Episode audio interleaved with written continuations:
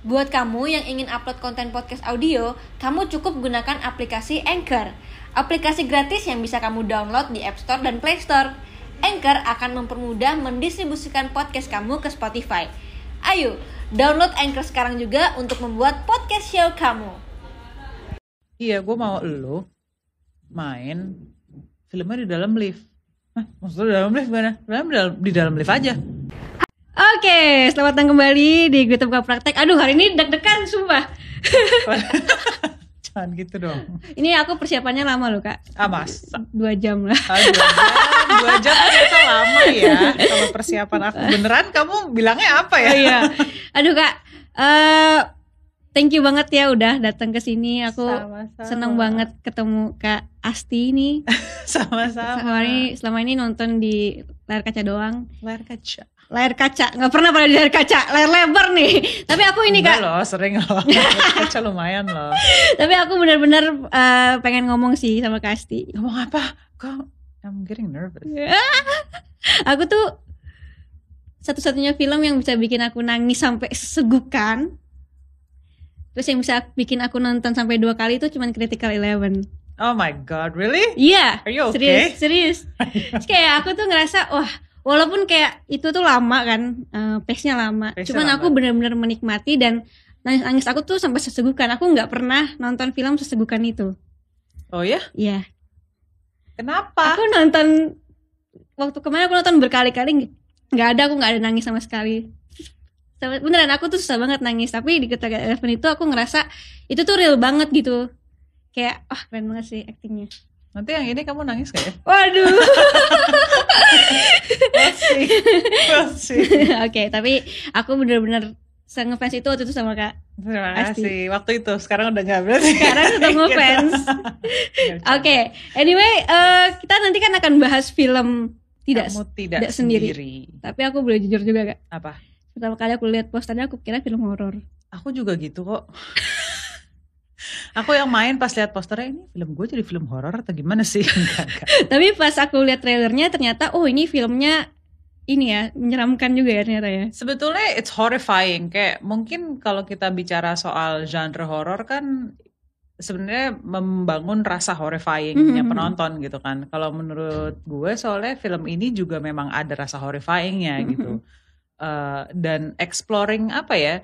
Exploring human connections, human feeling tuh agak eks, bisa dibilang agak cukup ekstrim sih di film ini. Jadi sebenarnya genre yang sangat menarik Iya, gitu. iya. Tapi inget ya ini bukan film horor ya guys ya. Jadi nggak ada Bukan. setan sama sekali. Nggak ada. ada jadi ini kayaknya berubah menjadi ketegangan begitu lihat trailernya waduh kok ini filmnya lumayan tegang ya bukan Lumayan bukan ternyata. Ah, lumayan. oke lumayan. tapi aku, aku pengen sebenarnya pengen gali dulu nih Hmm. kasih kan seorang eh, actor ya Hmm. actor Eh, rata-rata actor itu untuk mendalami sebuah karakter itu perlu metode-metode khusus. Yes. dan tiap tiap actor tuh beda-beda. Kalau Yes. kasih sendiri gimana? Eh sebetulnya gue tuh sebenarnya paling paling bingung sih kalau misalkan orang kayak method lo apa? Method lo apa? Kayak oke filmmaker sebenarnya acting kan seni peran tuh bisa dibilang kayak eh kayak wayang gitu. Mhm. wayang kan artinya bayangan ya. Jadi sebetulnya kalau misalnya ditanya apa sih methodnya? Pada dasarnya lebih terbuka sama kehidupan manusia aja. Pada umumnya juga gitu. Mhm. kayak misalnya salah satu PR yang pernah gue dapat dari sutradara adalah ini dulu ya kayak ini waktu tahun berapa ya? Kan? Tahun 2000 I think this was 20 2006 or 5 uh, Mhm. aku lupa tapi salah satu PR-nya dari sutradara itu lo duduk lo pilih tempat yang seramai mungkin atau sehits mungkin yang sesuai dengan film yang sedang gue kerjain gitu terus nguping Hmm. I know this this may sound a bit eh lo nguping gitu. Cuman ada di situ membuka mata, membuka telinga untuk melihat apa sih sebenarnya yang kejadian di kehidupan nyata dan orang-orang yang nyata ini. Tapi ya diem-diem karena maunya kan mendapat reaksi atau respon senatural mungkin dari orang-orang tersebut kan gitu. Mhm. Jadi mungkin sebenarnya kalau misalkan dibilang methodnya apa, pada dasarnya ketika mau eh, mendalami sebuah peran, nomor satu menganalisa skenario itu udah pasti. uh, annotating uh, emotional baggage atau emotional structure-nya tuh udah udah pasti itu semua udah kerjaan Mhm. kertas gitu ya bisa gue bilangnya tuh kerjaan kertas saja.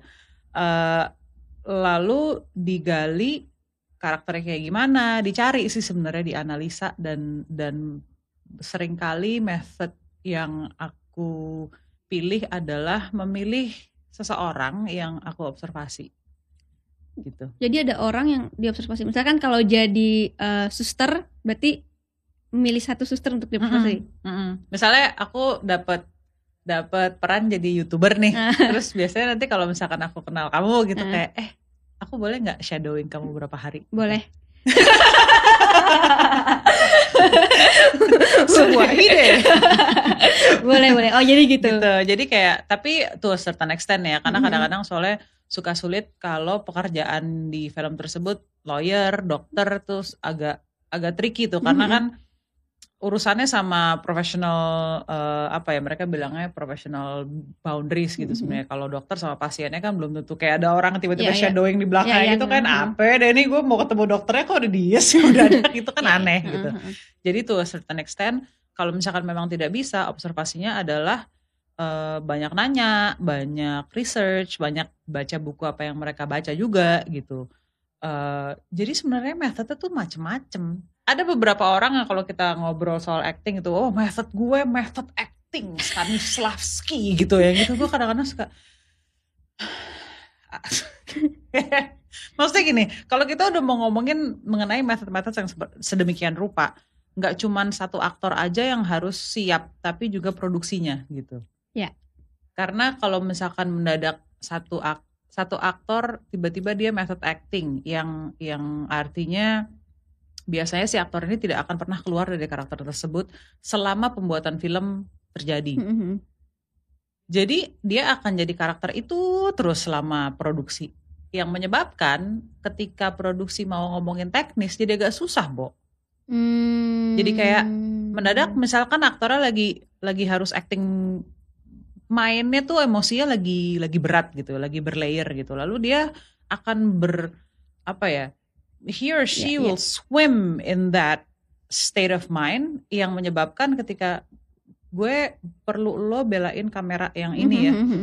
kayak nggak ya nggak bisa lah lo lo tangkep gue gitu jadinya Ya, ya, ya. jadi boundaries itu agak susah kalau menurut aku pribadi Mhm. mungkin teman-teman aktor yang lain punya trik trik atau hacknya gitu Mhm. untuk untuk bisa uh, punya boundaries di mana ini method acting gue dan teknisnya tuh kerjainnya gini mungkin ya gitu tapi kalau gue pribadi mencari yang uh, doable dan enak untuk dibikin kerjasamanya gitu karena film kan ya, ya, film ya. kan kerja kolektif gitu Mhm. kita kita kerja sama minimal what probably 40 to 50 Ya, ya. people banyak banget kalau film itu. banyak banget jadi harus sensibel dengan departemen lain dan lawan main gitu karena kalau it's it's not a one man show Mhm, mhm.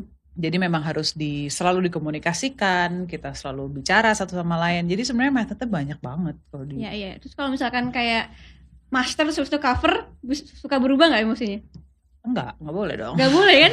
itu kayak ada ada beberapa trik yang misalnya gini kalau kita kenal sama direct, uh, director of photography Aha. sama kameramennya eh ada beberapa kameramen yang punya trik dan sutradara ngambil jadi kita blocking dulu Mhm, so we know the master shot of the scene mhm. lalu mereka ngambil close up dulu Hmm. jadi the beauty and the magic of the that first take dia dapat di Close padat up. gitu Oh. lalu dia baru lebarin gitu. Kalau ada beberapa director yang memang editorial thinking gitu, udah mikir, udah kepikiran tuh pas kita syuting, oke shot ini gue gak akan pakai, gue akan pakai cuman berapa second di sini, jadi gue nggak perlu gitu. Jadi kita cuma perlu sekian gitu. Wah, itu enak juga ya. Juga lumayan, tapi mikirnya Mikir- lumayan juga. juga.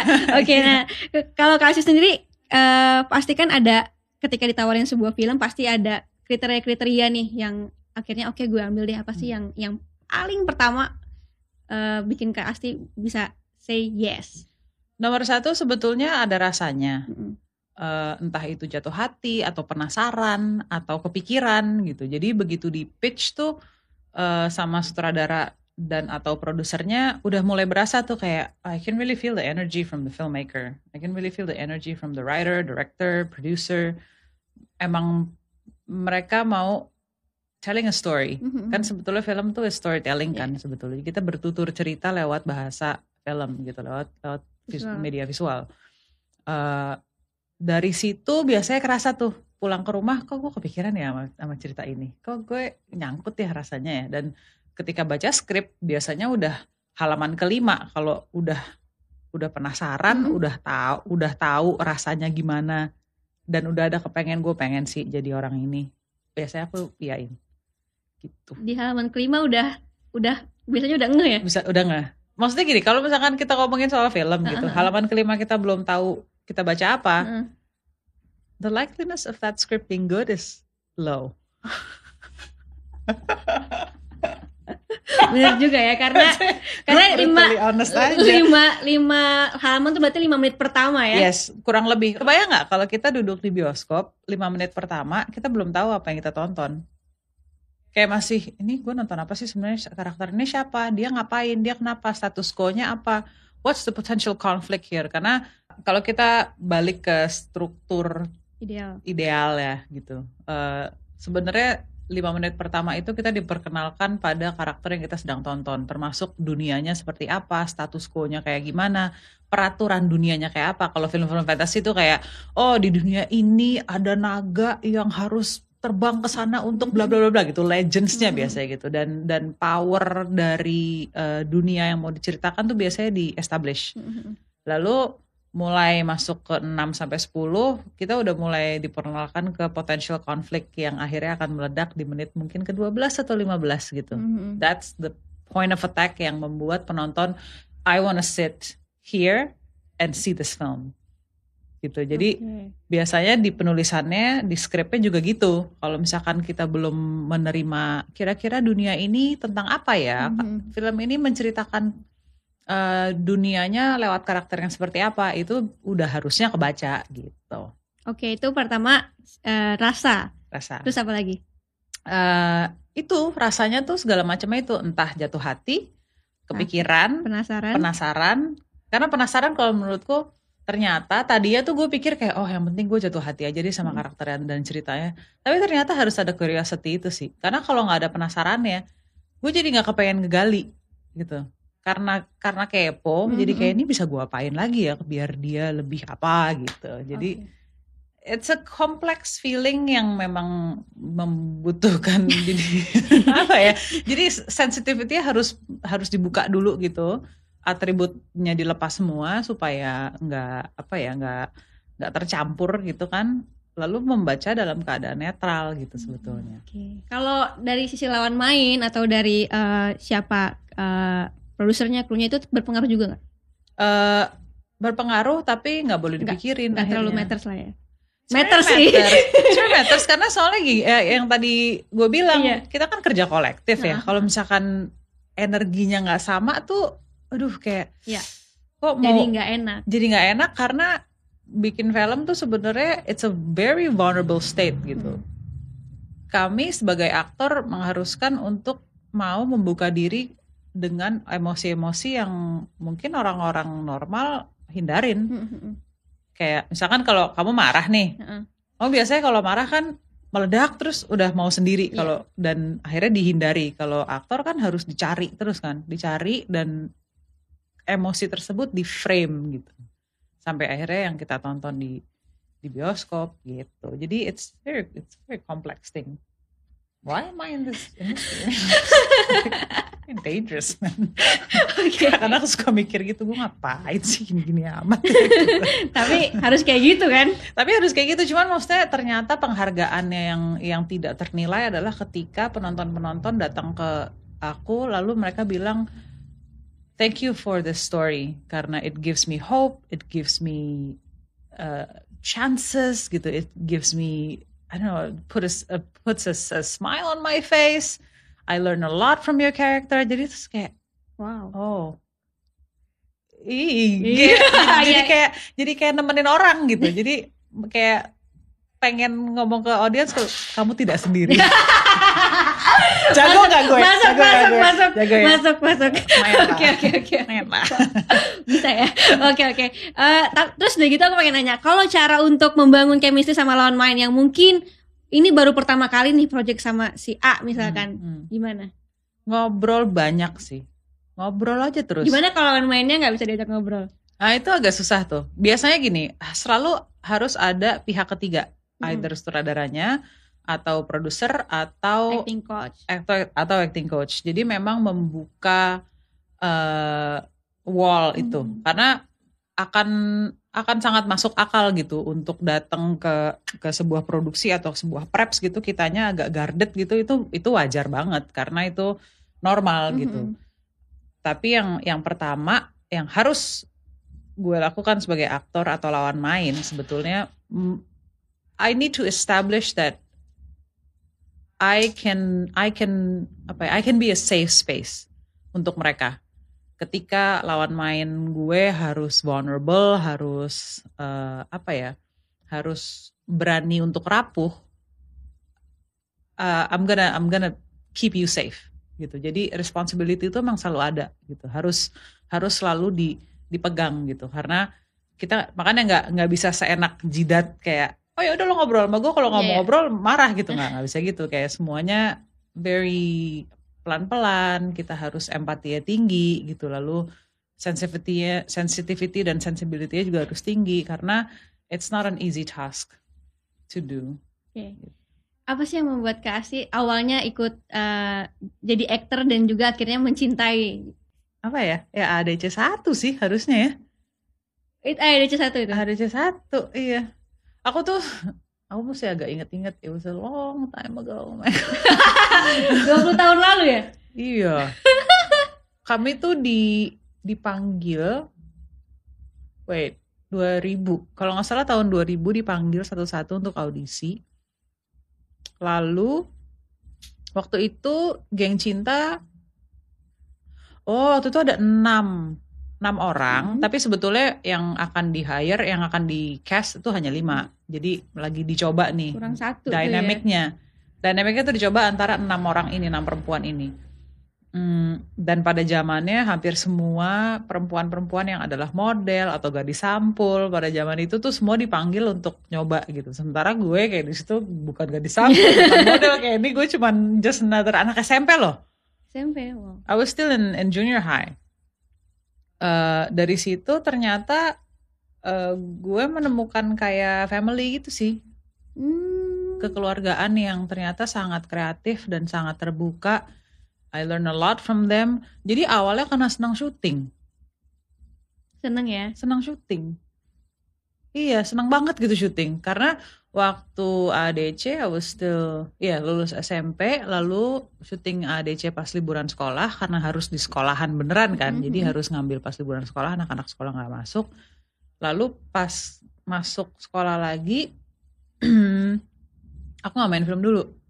Jadi aku selesaiin sekolah Sekolah dulu, yang yang pasti pokoknya high school harus selesai, pendidikan dasar harus selesai, lalu uh, I put off, I put my college on hold, which is not Mhm. good.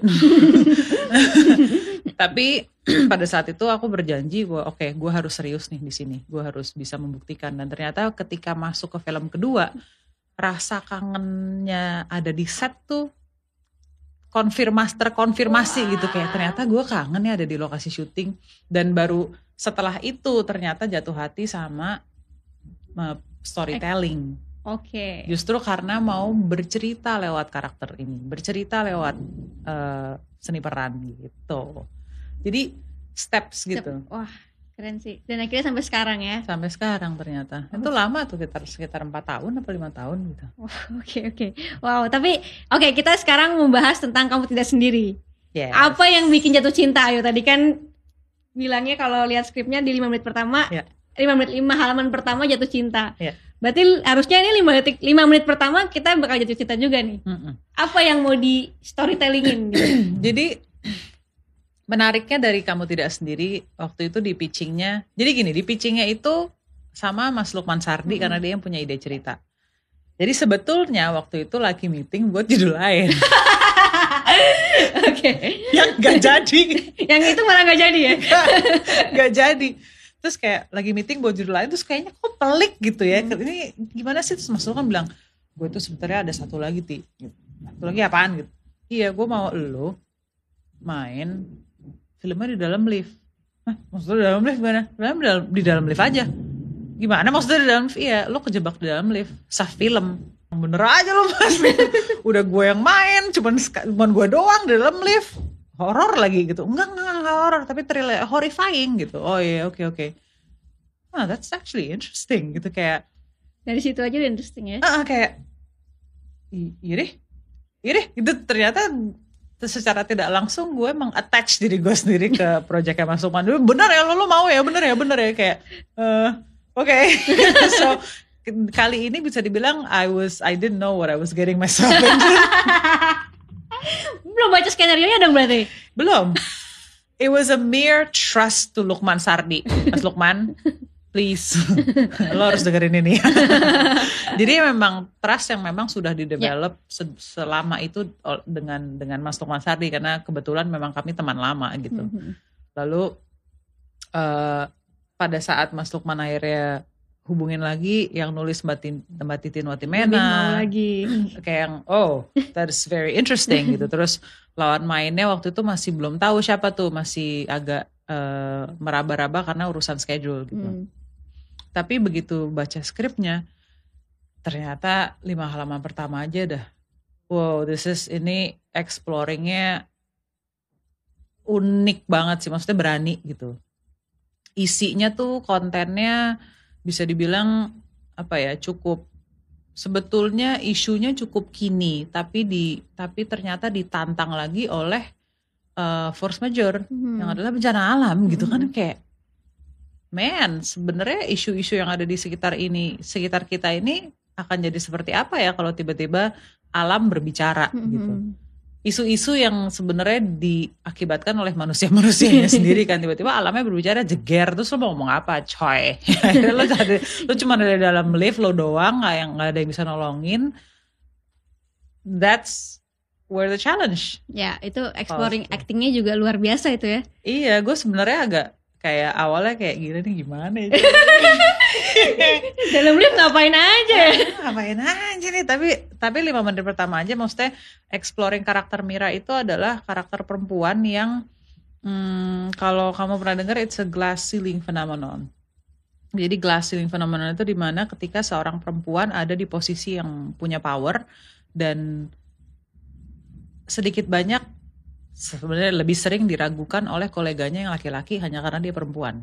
Oke, wah ini sebenarnya banyak banget ya yang kayak gitu ya. Jadi misalnya nih, kamu dapat eh, eh, promotion gitu sebagai jadi kamu jadi direktur gitu mendadak eh, kolega-kolega kamu yang laki-laki lainnya bukan bukan ingin menjatuhkan tapi secara pasif agresif kayak tapi kan lo nanti kalau lo anak lo Ini gini gimana kalau suami lo gitu gimana? Jadi hanya karena kita perempuan kita dipertanyakan kredibilitasnya sebagai profesional atau sebagai uh, a person in the position of power. Ini terjadi di hidupnya Mira gitu. Bahkan di lima menit pertama kita udah lihat oke this woman is very ambitious this woman this woman is very independent by any means necessary tapi memang yang tidak melukai orang lain atau menyakiti orang lain of course ya.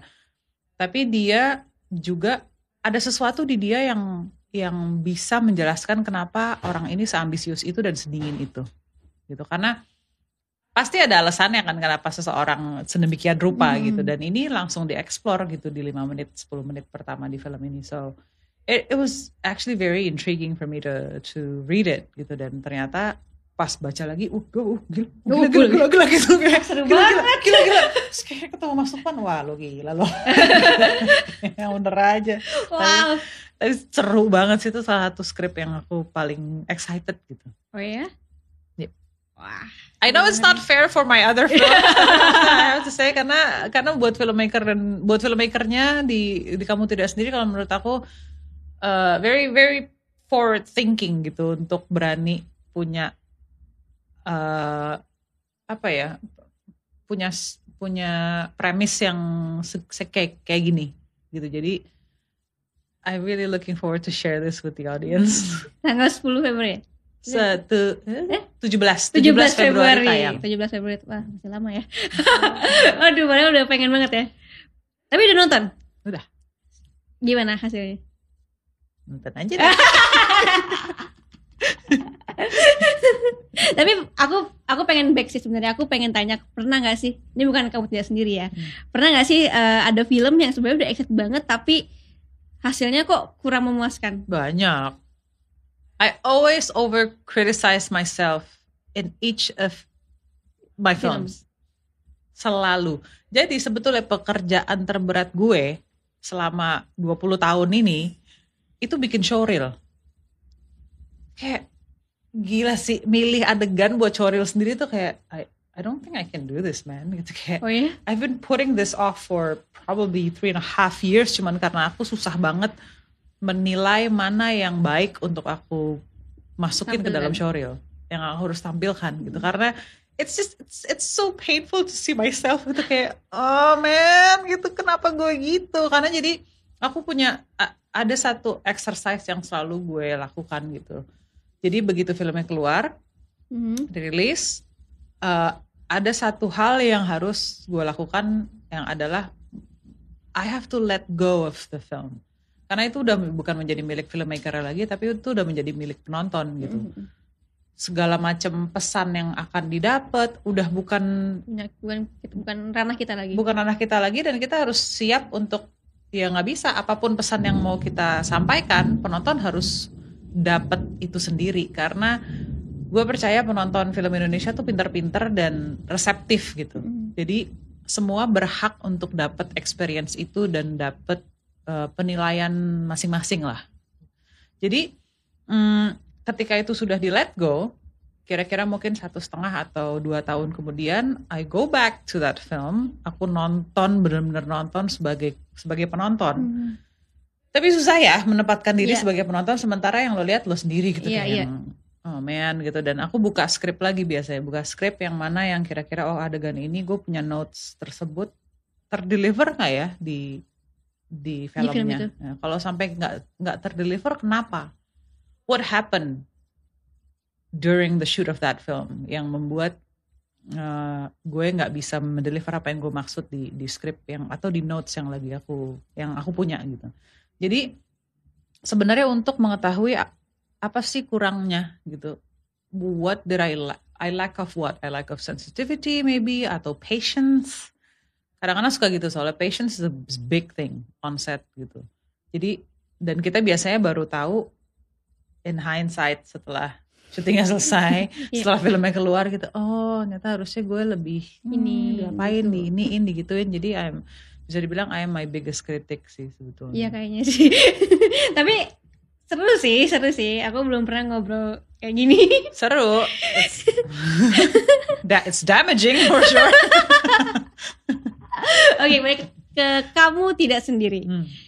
Oke, eh, karakter Mila itu kan yang independen. Ini berarti ada satu isu yang diangkat ya? Ya. Bener ya? Eh, eh, yang tidak bisa dikasih tahu ya? Oke, nah eh, secara syutingnya di mana di Jakarta? Syutingnya di Jakarta. Kami sangat beruntung karena filmmaker produksi me- memutuskan untuk syuting ini di di dalam studio. Oh, gitu. Jadi liftnya memang di set Di set. sedemikian rupa supaya temboknya bisa di knockdown. Jadi kita bisa naruh kamera, bisa naruh lampu, bisa naruh segala macam Iya, yang perlu yang diperlukan untuk adegan tersebut gitu. Jadi memang lebih versatile lah Mhm. itu syutingnya dan lebih fleksibel jadinya. Walaupun emang waktu itu kami hanya punya probably less than 25 days.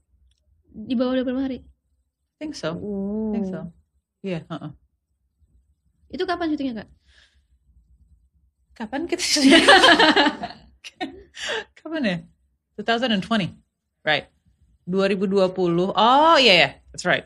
Awal tahun 2020 lalu kami harus stop dulu karena PSBB. Mm. Jadi waktu itu karantina eh, isolation yang pertama ka- pertama banget itu akhirnya kami memutuskan untuk you know what yaudah deh kita stop dulu filmnya karena filmmaking tuh kan membuat kegaduhan Iya, ya iya, kalau iya. kita syuting tuh kan orang rame barangnya Padahal banyak di studio ya padahal. ya. padahal studio tapi maksudnya ada beberapa yang memang harus datang ke lokasi sih Iya. tapi tiba-tiba berbondong-bondong kita datang gitu masing-masing departemen mungkin 6 sampai 10 orang Iya. terus kayak mindahin barang Iya, lah iya. apa gitu semua disentuh jadi akhirnya the responsible thing to do at that time karena kita belum tahu corona seperti, apa kita stop, Stop. dulu deh Udah berapa persen tuh waktu itu? baru 65 persen Hmm. ya aku juga syuting waktu itu 50 persen baru. ya kan baru Iya. setengahnya kan jadi kayak ya nelan ludah tapi ya gimana ya gitu daripada kita covid Iya. gitu kan pada saat itu kan masih takut banget Terus Tap- akhirnya mulai lagi kapan? empat bulan kemudian Empat bulan kemudian. empat bulan kemudian tiga setengah atau empat bulan kemudian akhirnya ya udah deh kita bisa bikin ternyata ada beberapa teman-teman filmmaker yang sudah bikin health protocol juga gitu terus eh, eh, filmmaker di dunia juga akhirnya udah bikin safe sets gitu Mhm. ada beberapa dari kami yang akhirnya ikut online training safe sets tersebut Em, lalu diimplementasikan di produksi masing-masing gitu because we have to take care Ya, of ya. our own bubble dulu kan Hmm. jadi mereka udah ngedit dulu, aku sebagai pemain sebagai aktornya bisa nonton dulu. Oh, yang gue udah lakuin tuh segini. Jadi aku bisa Hmm, sambung. enak deh itu. Dan ketika ada sesuatu yang kayak gue yang di bagian ini ganjel deh, bisa dibayar di mana ya? Kira-kira bisa di pay off di mana ya? Gitu. Jadi di Di Tweety juga. itu, itu ya, Mantap. Heeh, jadi ternyata memang kayak wah gue punya punya second chance yang Iya, iya. it's quite amazing Wah. actually.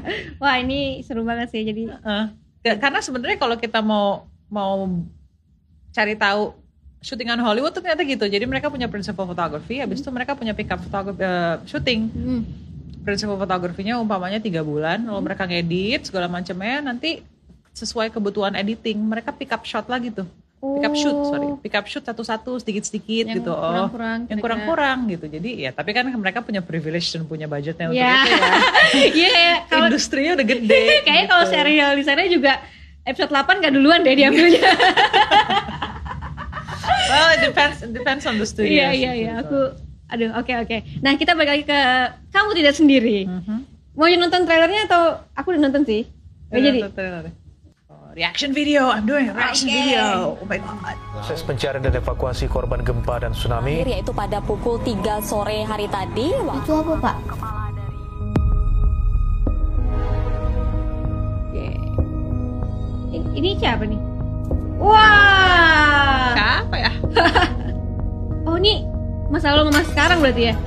Iya gak sih? Hmm? Masa lalu sama masa Nanti sekarang. malam jam Bener ya? 7 kalau bapak belum pulang, Dinda yang jemput ya. Selamat pagi, Bu. Kamu pasti ngerti dong soal penawaran solusi itu dari awal harus detail dan spot on. Ngerti, Bu. Kenapa dari sini saya bisa lihat kalau itu masih bolong-bolong? Galak amat sih. Kenapa sih kamu ngeliatin saya kayak gitu? Ya wajar kan? What is wrong with you? Are you sick?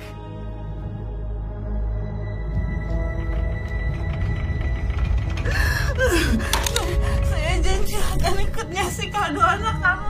Anak saya nggak butuh kado. Dia butuh bapaknya.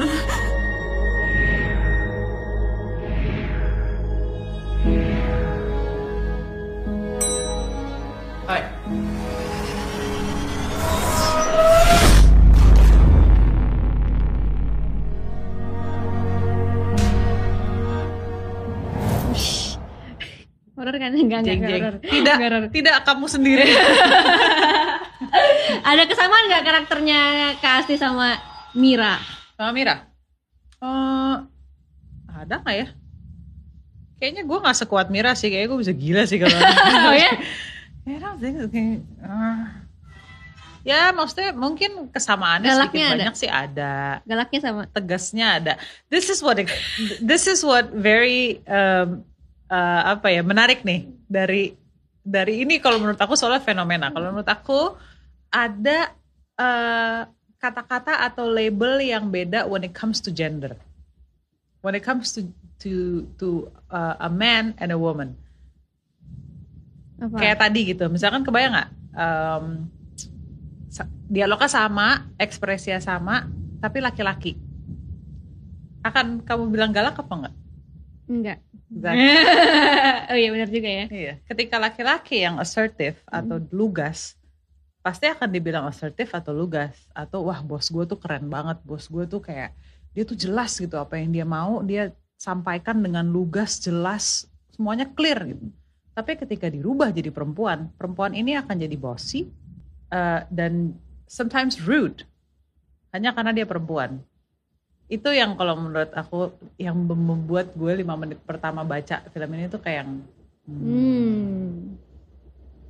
it's really empowering gitu untuk untuk bisa punya apa ya punya contoh kayak gini loh keadaannya tuh begini and then what are we gonna do about it di di sekitar di kehidupan kita sehari-hari gitu if either you want to do something about it atau ya enggak didiemin aja kan gitu Dan apa yang mau disampaikan dari karakter Mira? Eh, kalau kembali menanyakan pada diri sendiri kenapa sih why am I doing this gitu. Karena sebetulnya pertanyaan itu tuh sering loh ada di kepala gue. Kalau lagi di lokasi syuting gitu dengan misalnya lagi hujan nunggu set hujan. Terus mau nggak mau kan kita nunggu. Itu kadang-kadang suka gue ngapain ya gini gini amat ya? Gitu karena salah satu salah satu pertanyaan itu pernah waktu itu gue alami dengan kameramen yang sama dengan kamu tidak sendiri Pak Yadi Sugandi waktu itu kami lagi syuting di Alas Roban Di Jawa sana. Alas Roban iya, Alas iya. Roban Pantura Iya. gitu di Alas Roban lagi nunggu lagi nunggu waktu itu masih pakai masih pakai celluloid kan lagi Hmm. nunggu loading uh, pita film lagi lagi nunggu uh, 35 jadi loader lagi loading kita lagi lagi duduk gitu di pinggir jalan Alas Roban kayak sama Pak Yadi berdua Pak kita nggak Ngapain ini bang? Gitu kayak, gini amat sih kayaknya mau berkarya. Karena waktu itu gue masih 19 tahun 18 tahun atau 19 tahun gitu. Terus saya akhirnya iya sih bener juga lo ya. Lo ngapain sih masih muda gini-gini amat? Gitu, kayak. jadi emang pertanyaan itu tuh constantly ada, Ada terus. dan jawabannya selalu karena gue mau berbagi. Karena I want to share this experience with the audience. I want to share the story the conflict the journey with the audience dan ternyata ketika gue sebagai aktor yang ditanyain pesannya apa sih yang mau disampaikan? Apa sih? Pesan moral pesan apa pun itu. Kalau menurut gue I'm not gonna do any justice to the film and the audience's point of view. Lebih gue lagi lebih kepengen membebaskan penonton kita untuk tahu atau nangkep apa sih kira-kira justru apa yang mereka tangkap dari filmnya gitu. Justru dialog itu yang menarik. Ketika penontonnya selesai menonton film kita lalu gue kayaknya ngerti deh. Gue tuh dapat message ini dari film lo and that's why I'm doing it. Gitu kayak ah, oke oke. Dan itu ternyata kadang-kadang suka apa yang intention kami sebagai filmmakernya ketika mendengar um, aspirasi itu dari penontonnya malah jadi kayak yang, oh I, I I did not see it from that point of view. Jadi memang lebih kaya gitu. Oke, sekarang aku balik. Kenapa harus nonton kamu tidak sendiri? karena kamu tidak sendiri. Gini kalau menurut aku ya nomor satu. Kita kan udah dua tahun nih di rumah aja. Sebagian dari kita ada loh yang belum ke mana-mana. Dan dan cinematic experience itu di dalam bioskop nggak ada duanya Nggak ada duanya, nggak bisa, nggak bisa diganti. Gak bisa kan? Nggak bisa diganti. Ada beberapa film tuh ya begitu kita nonton di layar laptop atau di rumah di TV tuh agak hmm, gitu. Ya, it's okay. Hit and misses. Ya, it's okay. Tapi begitu di layar lebar ada alasan kenapa layar lebar dibuat sedemikian rupa, soundproof, atmos, gelap. Jadi cinema cin- cinema experience-nya bisa kita dapat lagi.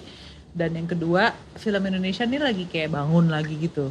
Dan let's celebrate it di cinema gitu. Karena kalau menurut gue soalnya salah satu investor terbesar industri film Indonesia adalah penontonnya itu sendiri. Gitu. Jadi kalau memang cinta produk Indonesia dan film sendiri, yuk kita dukung perfilman Indonesia dan filmmaker ya karena sineasnya perlu penonton gitu.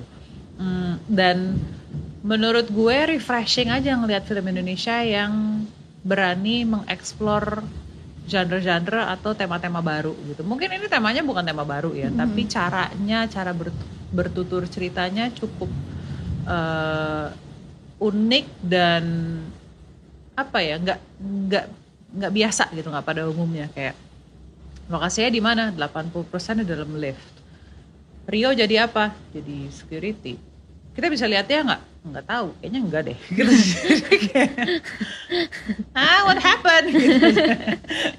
cukup berani gitu dan dan semoga ini bisa jadi varian yang membuat film Indonesia lebih berwarna gitu Amin. amin jadi jangan lupa nonton bioskop Nonton bioskop dan nonton kamu tidak sendiri ya. dan kamu tidak sendiri kamu tidak sendiri tapi tapi gila sih. Itu kan berarti kan bergantung banget sama aktornya kan karena satu satu dari awal sampai habis ya di lift doang ya. lumayan sih kenyang loh liat gue Oke, nanti aku bakal nonton juga. ya please do Iya, aku Nanti nonton. kita Pasti diskusi aku lagi nonton. ya. Oke, aku ntar ngobrol lagi ya. Ngobrol lagi, Oke. yes, betul. Thank you Kak Asti udah datang ke sini, udah ngobrol-ngobrol bareng. Nanti kita diskusi bareng lagi. ya nanti tunggu undangan gala premiernya ya Oke, thank you banget dan teman-teman, kasih. makasih nonton video ini. Sampai ketemu di video berikutnya. Bye bye. Nonton sampai habis ya. Makasih ya. Jangan lupa follow Instagram aku di sini dan nonton video lainnya di sini.